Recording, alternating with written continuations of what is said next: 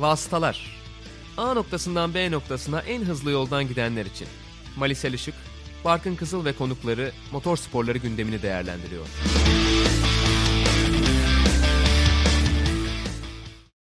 Vasıtaların 27. bölümüne hoş geldiniz. Bu bölümde ben Barkın Kızıl, Malis Erişik ve İzgecan Günal'la birlikte karşınızda olacağız.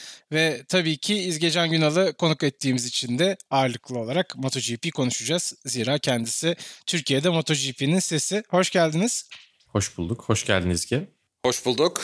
Marquez'le başlayalım. Doğrudan konuya giriyorum. Özellikle ilk yarış hafta sonunda inanılmaz bir performans gösterdi ama yarışı bitiremeyerek o performansı taçlandıramamış oldu Mark Marquez. Neyse ki sakatlığı kaza ardından gelen sakatlık ihtimali beklenen kadar ciddi olmadı. Hatta neredeyse ikinci yarışa da çıkıyordu Marquez. Evet zaten sen de söylemiştin önceki bölümlerden bir tanesinde. Hayatımda gördüğüm en iyi yarış performansı demiştin seriden bağımsız olarak. Marquez'in evet. ilk Jerez yarışında İspanya Grand Prix'sinde gösterdiği performansa.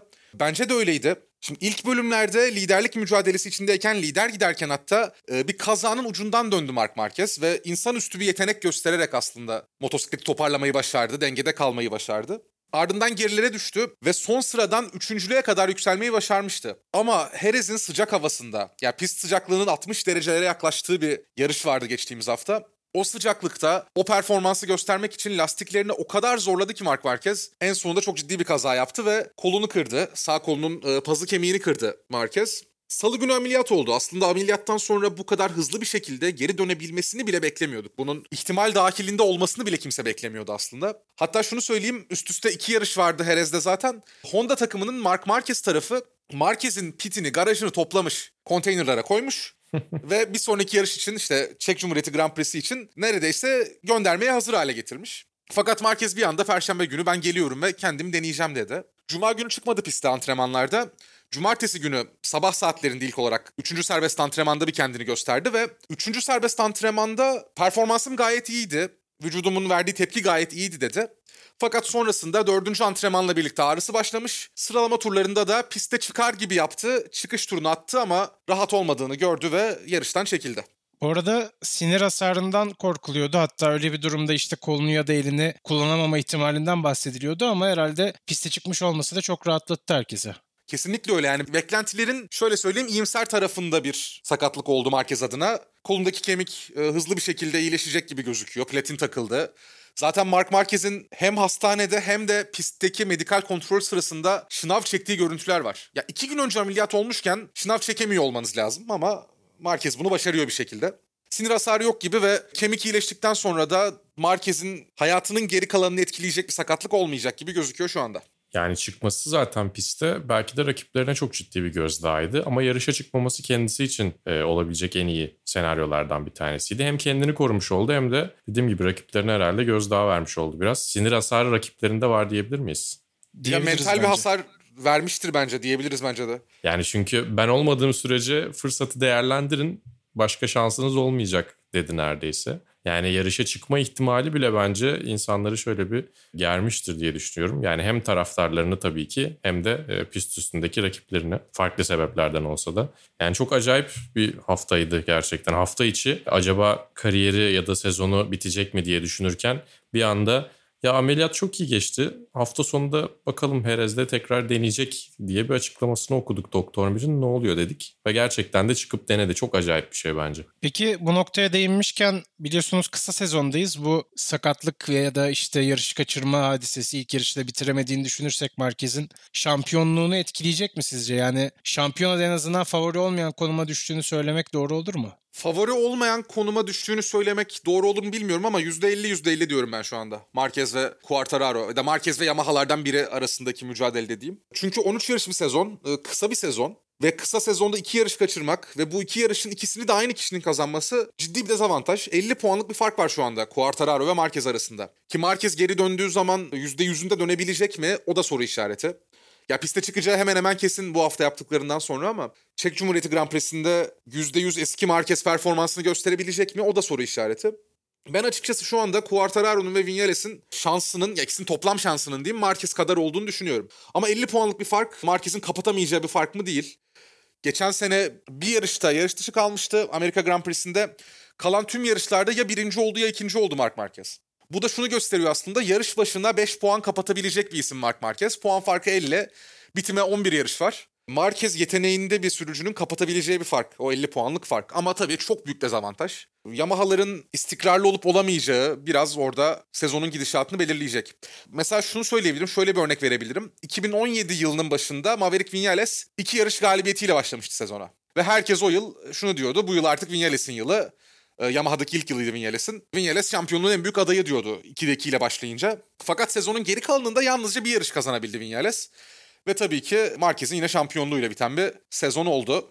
Quartararo çok genç daha daha ikinci yılında istikrarlı olması gerekiyor. İstikrarlı olup olamayacağı hem Quartararo'nun hem de tabii Yamaha'nın motosiklet olarak istikrarlı olup olamayacağı şampiyonu belirleyecek. Hata payı hiç kalmadı bir de. Yani Mark Marquez için sezonun geri kalanında Bruno'da döner dönmez fark kapatmaya başlaması gerekiyor. E, eğer onu yapamazsa gerçekten zor bir duruma düşecek. Ama yani şey gibi biraz teniste de çok kolay e, momentum yön değiştirir, rüzgar yön değiştirir. Biraz ona benzeyen bir sezon olacak bence. E, Marquez döner dönmez fark kapatmaya başlarsa eğer bu sefer Maverick Vinales ve Fabio Quartararo üzerindeki baskı çok artacak. Ki ben aslında yani Maverick Vinales'i sezonun ilk iki yarışında çok fazla beğenmedim ama tabii ki en iyi görünen motosiklet üzerinde ve fabrika takımında olduğu için onu da aday olarak değerlendiriyoruz. Bir de ben çok fazla sevmiyorum kendisini açıkçası. Yani beklentilerinin altında kaldığını düşünüyorum. Özellikle bir de hem beklentilerin altında kalıp hem de takımına çok mızmızlanan sürücüleri çok fazla sevmiyorum. O yüzden e, yeteneğini bir kenara bırakıp bir de böyle bir eleştiri getireceğim. Quartararo çok daha sağlam görünüyor.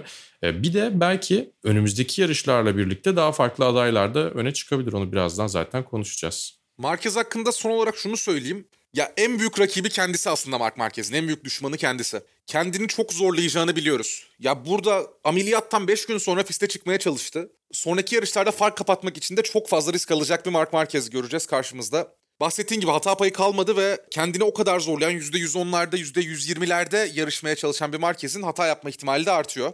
Göreceğiz ama Quartararo'nun ya Vinales'in tersi olduğunu söyleyebilir miyiz Mali senin gözünde özellikle? Evet. Çok ciddi bir yeteneğe sahip olduğunu biliyorduk zaten geldiğimizde. Çok ciddi bir hype'la geldi aslında. Ve daha ikinci yılında bunu üst üste iki yarış galibiyetiyle piste yansıtmaya da başladı. Hı hı. Fabio Quartararo. Tabii şunu söylemek lazım. Şu an bir uydu takımında. Uzun zamandır bir Yamaha uydu takımı yarış kazanamıyordu. Fabrika takımında değil Quartararo teknik olarak. Ama fabrika Yamaha'larıyla birebir aynı motosikletle, aynı motor bloğuyla yarışıyor. Ve Jerez de iki yarış kazanmayı başardı. Tabii şunu konuşmak gerekiyor. Sen de az önce biraz girdin. Jerez pisti Yamaha'lar için en ideal pist. Yamaha'ların kazanması için en uygun pist. Zaten son yarışta Endurance Grand Prix'sinde 3 Yamaha vardı podyumda. Quartararo kazandı, Vinales ikinci oldu, Rossi üçüncü basamağı elde etti.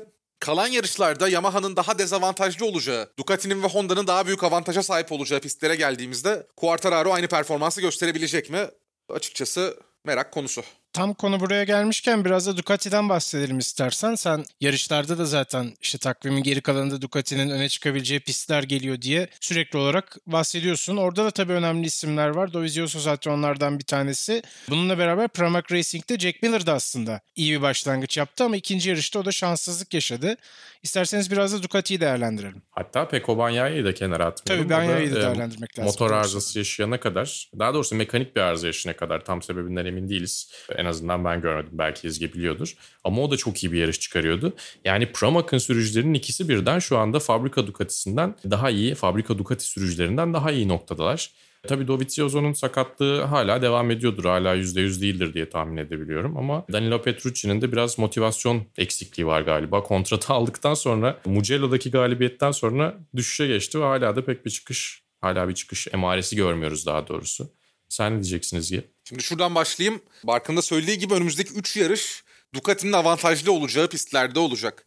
9 Ağustos'ta Çekya Grand Prix'si var Brno pistinde. Ardından da üst üste 2 hafta Avusturya'da Red Bull Ring'de iki yarış yapılacak. Brno pistinde ya Horsepower Hill adlı bir bölüm var. Ya motosikletinizin ya da aracınızın diyeyim her seride ürettiği beygir gücünün gerçekten çok önemli olduğu pistlerden bir tanesi.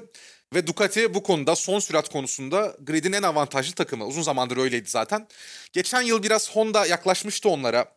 Son sürat konusunda avantaj kazanmayı başarmıştı ama bu yıl Ducati farkı açtı tekrar. Ve o yüzden hem Çekya'da hem de özellikle Avusturya'da Red Bull Ring'de avantaj onlarda olacak. Zaten Avusturya'da çok uzun süredir Ducati'ler kazanıyor. son 4 yıldır yani Iannone ile Dovizioso ile Lorenzo ile ve tekrar Dovizioso ile kazanmayı başardılar. Sezon başlarken şey deniyordu. Mark Marquez artık iyice hırslandı ve artık Avusturya'da yarış kazanmak istiyor deniyordu ama bu sakatlık durumuyla Ducati'lerin iyi bir motosiklet getirmiş olması birleşince bunu sağlayabilecekler mi emin değilim. Dovizioso ilk yarıştan ikinci yarışa giderken Herez'deki iki yarış arasında gerileyen nadir isimlerden bir tanesiydi. Kaza yapmadı aslında ama sıralamalarda 14. cebi elde edebildi ancak ve yarışı da gerilerde bitirdi. Yani 6. oldu ama kazalar olmasaydı muhtemelen ilk onun hemen içinde olacaktı Dovizioso. Yine de ben bu aranın ona iyi geleceğini düşünüyorum. Bu iki haftalık arada kendini toparlayacağını düşünüyorum. Brno'da ve özellikle Red Bull Ring'de Dovizioso yarış galibiyeti adaylarından bir tanesi. Jack Miller tabii Pramac Ducati takımında. Miller da önümüzdeki yıl Ducati fabrikasında olacak ve onun motivasyonuyla yarışıyor gibi gözüküyor.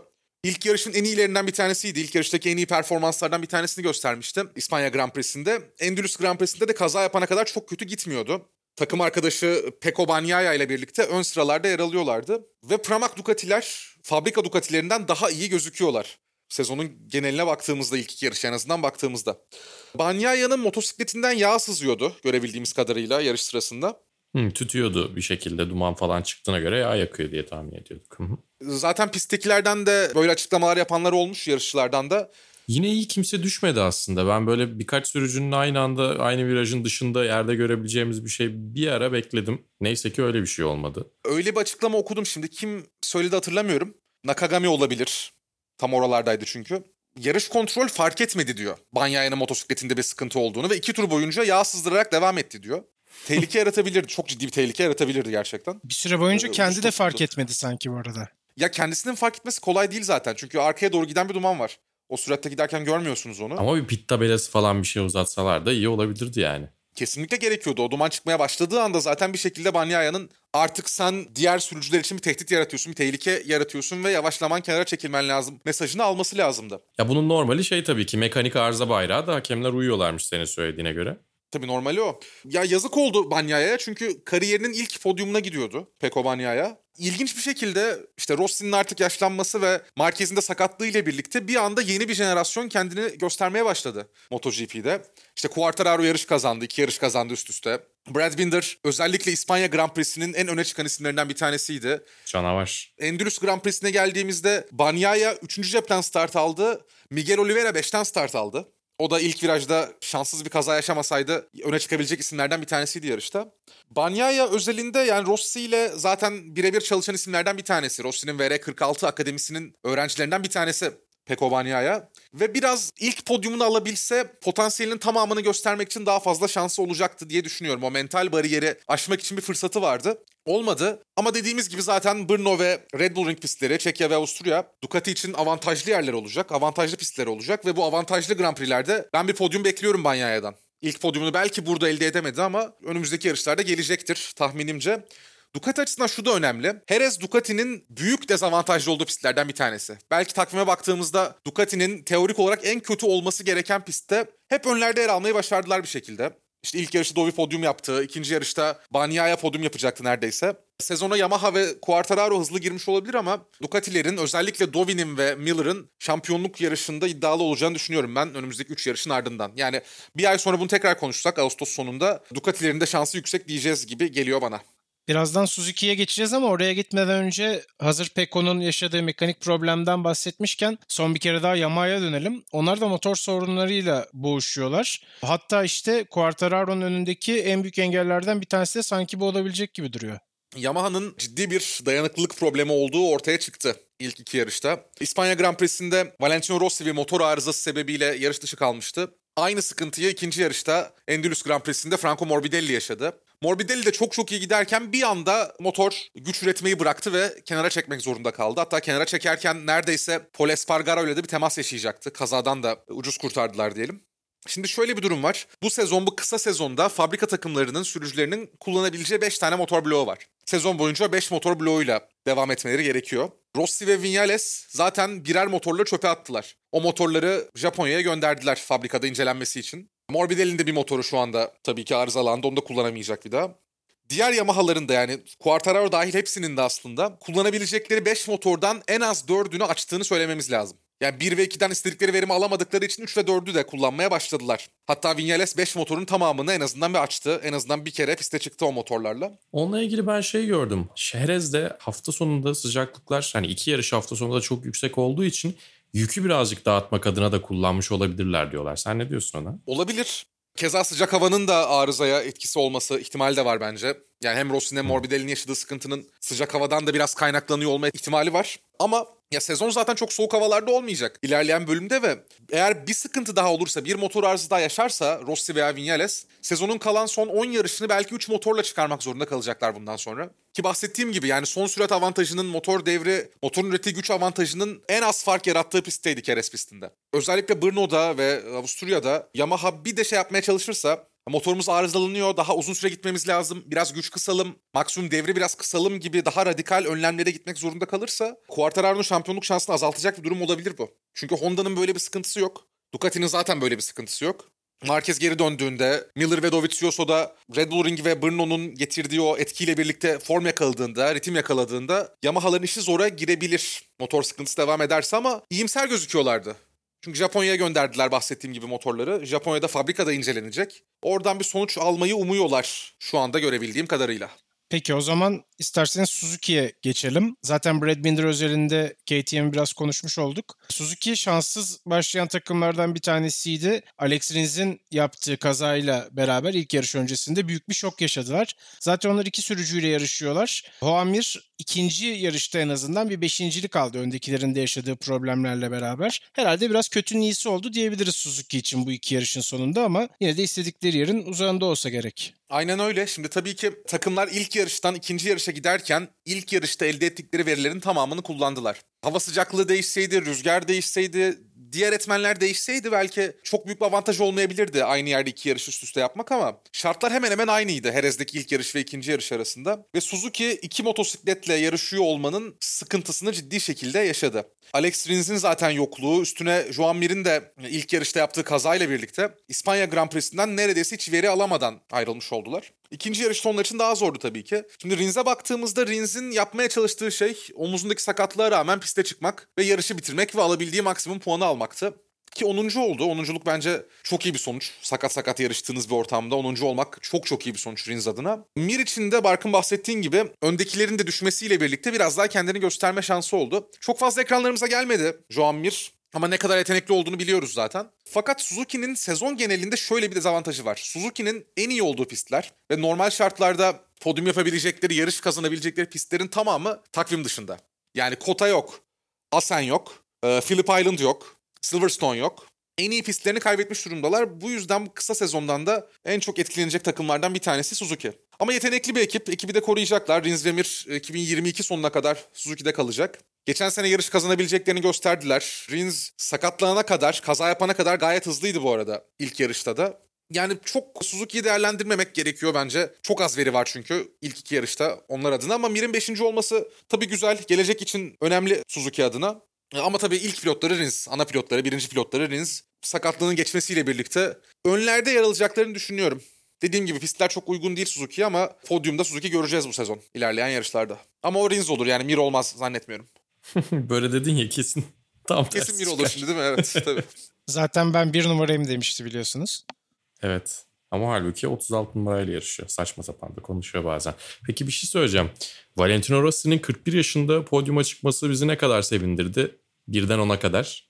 Yani şöyle bir istatistik var ya işte kariyerin her sezonunda podyum gördü. Bunun devam etmesi adına ben bayağı sevindim açıkçası. Hı hı. Ya bir de şöyle bir güzel istatistik de ben ekleyeyim hemen.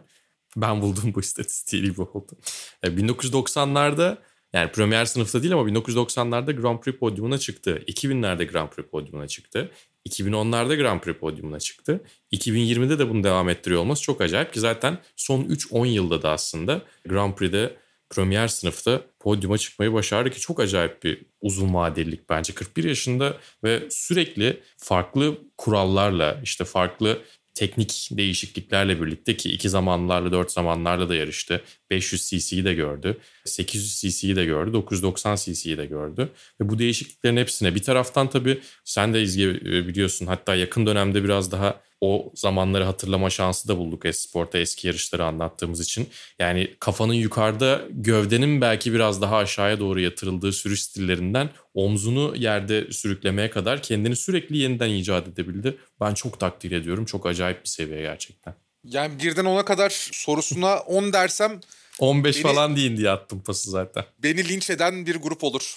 Çünkü hala şey var. Marquez'cisin, Rossi'cisin gibi ufak yorumlar alıyorum arada ama şaka bir yana çok mutlu olduk gerçekten. Rossi'nin bir o sıcak havada yani asfaltın ikinci yarışta 65'leri gördüğünü biliyoruz. Asfalt sıcaklığının, pist sıcaklığının bazı noktalarda.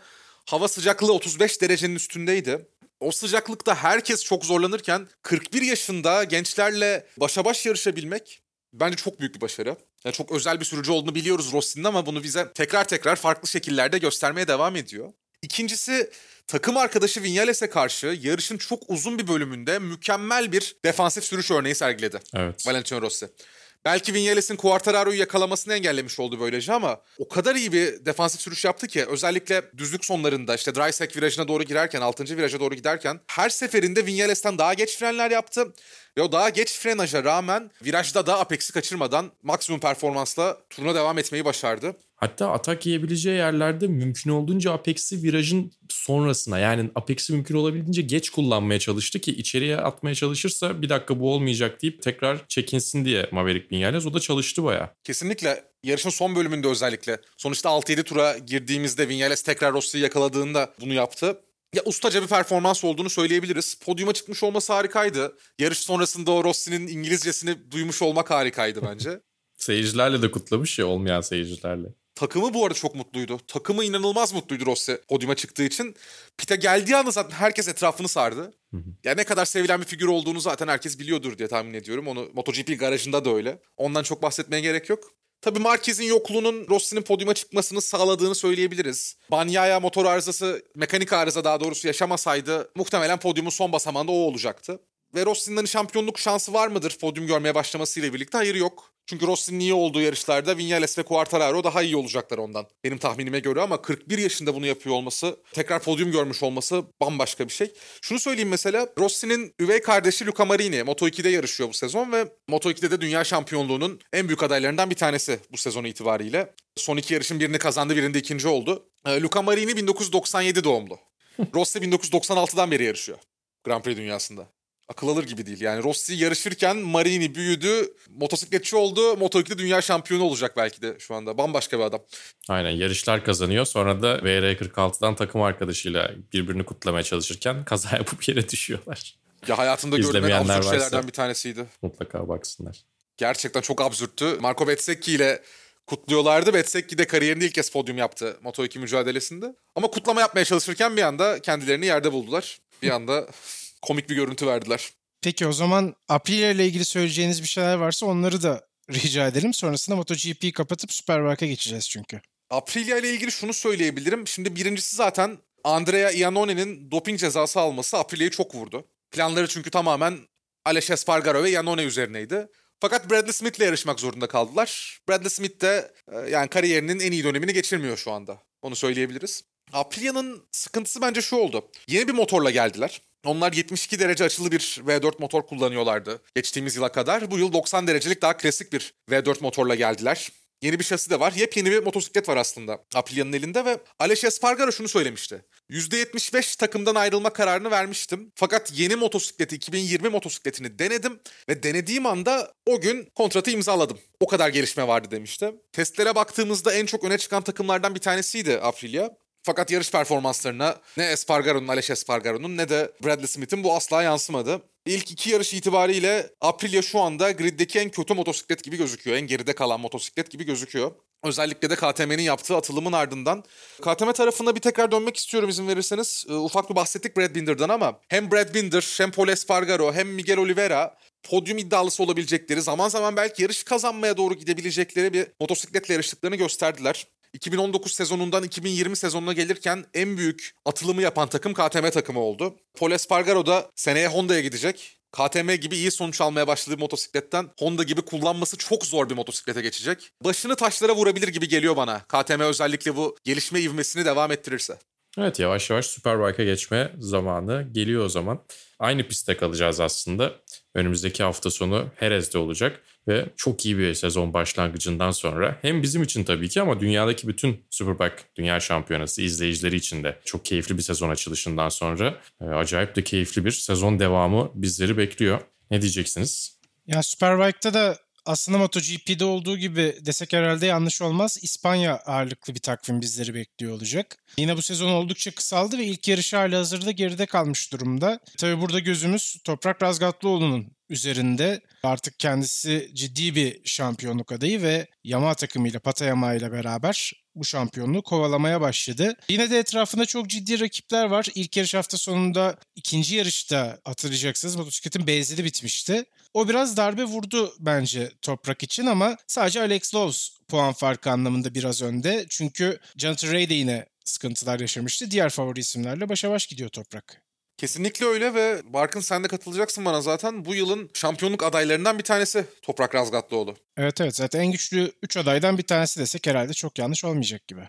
Evet Ray, Toprak ve Redding arasında geçmesini bekliyoruz herhalde değil mi? Evet. Alex Lowe şu an şampiyonda lider olmasına rağmen yani Kawasaki'lerden öne Nasıl harcadık değil mi hemen?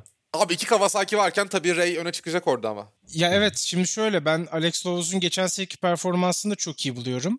Yani kesinlikle şampiyonluk kumaşı olan bir isim olduğunu düşünüyorum ama işte Jonathan Ray ile takım arkadaşı olduğu zaman bir anda o ilk üçün dışına düşüyorsunuz. Yani üç buçuğuncu sıra Alex Lowes Şey gibi aslında biraz Valtteri Bottas'ı çok acayip bir şeyler olmadığı sürece şampiyonluk adayı olarak yazmamamız gibi sanki. Biraz öyle gibi evet.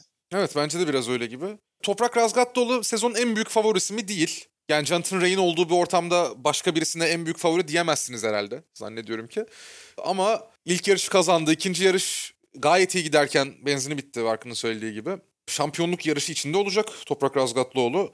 Ben bayağı umutluyum ya. Ben yani şu ana kadar Toprak Razgatlıoğlu'nun bize gösterdikleri Toprak'ın Yamaha ile uyumuyla birleşince, Toprak'ın hala çok genç olması ve işte gelişme ivmesinin hala devam ediyor olmasıyla birleşince ben bu sezondan bayağı umutluyum aslında. Bu arada Aruba Ducati takımı da bir şekilde o şampiyona mücadelesinin içinde kalmayı başardı. Bu da önemli bence. Çünkü biliyorsunuz sezon öncesinde Alvaro Bautista'yı kaybettiler. Honda'ya geçti Bautista'ya da öyle demek lazım belki de ama işte Scott Redding'in çok iyi performansı hiç de aratmadı Bautista'yı şu ana kadar. Ya Scott Redding zaten çok çok çok çok yetenekli bir isim. MotoGP'deki döneminde de bunu her seferinde bize göstermişti ki zaten Britanya Superbike şampiyonu olup geldi. British Superbike'tan şampiyonlar geldikleri zaman ilk senelerinde iyi performans gösterebiliyorlar. Çok fazla bir alışma süreci geçirmiyorlar. Ki Scott Redding'in mesela British Superbike'a alışması daha uzun sürmüştü. Dünya Superbike şampiyonasına kıyasla baktığımızda ben Ducati'nin motosiklet itibariyle Superbike'ta başarılı olabileceğini düşünmüyorum. Yani Scott Redding'in çok yetenekli olduğuna şüphe yok. Kawasaki'de veya Yamaha'da olsaydı belki daha fazla şampiyonluk şansı olacaktı.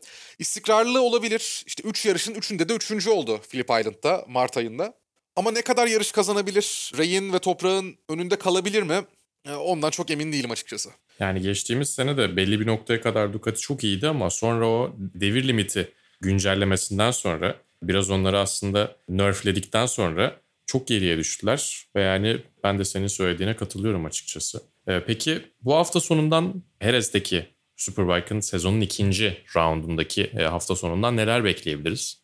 Ya bir kere şimdi Mart ayındaki yarışı çok fazla göz önüne almamak gerekiyor bence. Motosikletlerin ve takımların durumuna baktığımız zaman. Mesela Moto2'den bir örnek vereyim. Moto2'de Mart ayında Katar'da ilk yarış yapıldığı zaman mesela Joe Roberts ABD'li sürücü sezonun en büyük yıldızlarından biri olacak gibi gözüküyordu. Fakat aradaki bu pandemi dönemi arada vermek zorunda kaldığı ara onu ciddi şekilde etkilemiş gibi gözüküyor. Superbike'da da benzer şekilde ilk yarışta iyi gözüküp biraz daha kötüye giden isimler olacaktır. Alex Lowes mesela işte bunun en büyük adaylarından bir tanesi. Onu söyleyebilirim. Heres pistindeyiz onun dışında. Ya güzel bir yarış olmasını bekliyorum. MotoGP'nin ilk yarışı ne kadar güzel geçtiyse Superbike'tan da benzer bir şekilde çekişmeli bir yarış bekliyorum açıkçası. Gözlerimiz toprakta ve rayda olacak. Jonathan Ray geriden gelmeye çok alışık bir isim değil diye düşünüyorduk aslında ama işte geçen yıl Alvaro Bautista'nın üst üste kazandığı yarışlara rağmen asla istifini bozmadı. İstikrarlı ikincilikler aldı ve sezonun ortasında Bautista hata yapınca bir anda tekrar şampiyonluğun en büyük adayı oldu Jonathan Ray. Son 5 yılın şampiyonu biraz Superbike'ın Mark Marquez'i gibi durumda. Yani Jonathan Ray'in ne yapacağı geri kalan isimlerin de kaderini belirleyecek gibi gözüküyor. Ama motosikletler açısından baktığımızda yani Yamaha'nın, MotoGP'deki Yamaha'nın Superbike'deki Yamaha ile çok benzer olduğunu sürüş karakteristiği açısından söyleme şansımız var. Kawasaki'nin ise biraz daha Ducati'ye benzediğini söyleme şansımız var. Toprağın avantajlı olacağı bir yer Teres. Toprağın ve Yamaha'nın avantajlı olacağı bir pist Teres. Ben topraktan yarış galibiyeti bekliyorum. İspanya Superbike ayağında. Perez ayağında daha doğrusu. Evet bu uzun arayı galibiyetle bir de hani açmış olursa daha doğrusu galibiyetle dönmüş olursa sezonun geri kalanı için de önemli bir moral ve motivasyon olacaktır elbette. Senin de dediğin gibi muhtemelen en büyük mücadeleyi Jonathan Ray ile verecek ama en azından bir podyumu hani kesin gözüyle görebiliriz. Tabii herhangi bir sıkıntı yaşamazsa Toprak. Bunun dışında ben de yarış galibiyeti için en önemli iki adaydan bir tanesi olduğunu düşünüyorum açıkçası. Ya 3 yarış var sonuçta. Ben en az Evet. birini kazanacağını düşünüyorum Toprağın. Hatta ana yarışlardan bir tanesini de kazanacağını düşünüyorum. Tabii belli olmaz. Çok fazla tahmin edilebilir bir spor değil tabii motosiklet sporları ama yarış galibiyeti beklentim var Toprak'tan ve o galibiyetin ardından da kalan pistlere çok daha ciddi bir özgüvenle, takımın çok daha ciddi bir desteğiyle gideceğini düşünüyorum. Yani iyi bir başlangıç. Toprağı belki de dünya şampiyonluğuna taşıyan olay olabilir. Yani benim aklıma şey geliyor. Önümüzdeki yıllarda da olabilir, bu sezon da olabilir ama Jonathan Ray artık Dünya Superbike şampiyonu olmayacak dediğimizde onun yerine gelecek kişi toprak olacak gibi. Yani o tahttan indiğinde yerinde olan adam sanki toprak olacak gibi geliyor bana. Valentino Rossi de aynısını söyledim Ali. Ee, Aranızda bir paralellik kurabilir miyiz böyle? Kurabiliriz ama yani o paralellikleri devam ettiremeyiz. Orada kalır. Ya benim dileğim tabii burada şampiyonluğu aldıktan sonra MotoGP'de devam etmesi. Hatta işte kendisine bir teklif de gelmişti biliyorsunuz. Ama önce bunun için Superbike kazanmayı kesin istiyor. Superbike'da şampiyon olmayı istiyor. Eğer burada hükümdar olmayacaksa, uzun yıllar boyunca Ray gibi bir dominasyon kurmayacaksa da umuyorum ki buradaki şampiyonluğunu alıp sonra da MotoGP'ye gider toprak. Bence o ihtimal yüksek ya. Gerçekten şampiyon olma ihtimali yüksek. MotoGP'de kendisine 2020 sonrasında yer bulma ihtimali de gayet yüksek gibi geliyor bana. Yani Yamaha bünyesinde kalacaktır muhtemelen MotoGP'ye geçerse de ki teklif de zaten oradandı kendinin söylediği gibi. Rossi'nin takım arkadaşı olsa acayip güzel olur. Çok güzel olur. Rossi'nin takımında bence yarışma ihtimali olabilir. O da olabilir. Yani mutlaka Rossi ile birlikte bir noktada çalışacaklar gibi geliyor bana. Şimdi şöyle bir şey var. Kontratlar tabii 2 yıllık yapıldı MotoGP'de. 2022 sonuna kadar kontratlar hemen hemen belli her takımla. Rossi'nin durumu tabii çok net değil. Yani 2021 sonu emekli olabilir. Rossi'nin yerine belki gidebilir 2022'de. 2023'e doğru belki oralara adım atacaksa Toprak. Rossi'nin takımında olabilir bu kez. Çünkü Rossi'nin emekli olduğu zaman bir MotoGP takımı kurmasını bekliyoruz. Herkes bekliyor. Ki Dorna da bekliyor. Ona bir yer ayrılmış durumda zaten. Aynı fikirdeyim. Rossi ile bir şekilde bir yolları kesişecek. Yani ya onun yerini alacak ya birlikte yarışacaklar ya da Rossi takım patronu olacak. Toprak Razgatlıoğlu'nun gibi geliyor bana. Geçtiğimiz hafta sonunun güzel gelişmelerinden bir tanesi de Cem Bölükbaşı'ndan geldi. E, GT4 Avrupa Şampiyonası'nda takım arkadaşı Yağız Gedik'le birlikte ilk yarışta kendi klasmanlarını kazandılar. E, Onun dışında genel klasmanda da podyuma çıktılar ki belki pit stoplarda rakiplerine kıyasla biraz geride kalmamış olsalar liderliği de koruyabileceklerdi. Cem Bölükbaşı çok iyi bir ilk stint atmıştı. Zaten yarışa da pole pozisyonundan başlamışlardı. E, onlar için de keyifli bir sezon geçecek gibi görünüyor. Tabii pist üstünde ne kadar tecrübe kazanırsa Cem işler onun için iyi gidecek. Pazar günü sanal güvenlik aracıyla birlikte çok kötü yakalandılar. Belki tam pilot değişimi sırasında sanal güvenlik aracı çıktı ve çok istenen sonucu elde edemediler ama ben ilk hafta sonlarından mutlu ayrıldıklarını düşünüyorum. Tabii ki özellikle Cem Bölükbaşı takım arkadaşına kıyasla çok daha iyi bir noktada.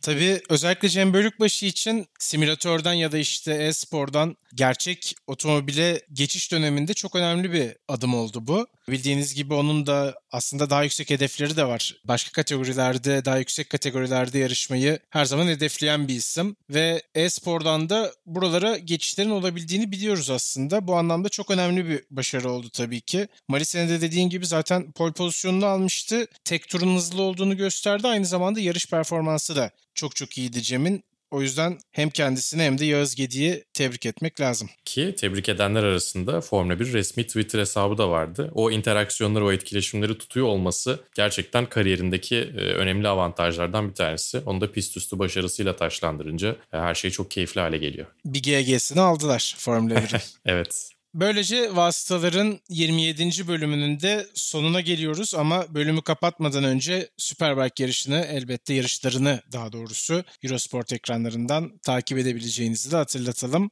Haftaya yine var. Ben Barkın Kızıl, Malise Ilişik'le beraber zaten burada sabitiz ama İzgecan Günal'a da çok çok teşekkür edelim hazır bulmuşken. Ben teşekkür ederim ya. Çok keyif aldım.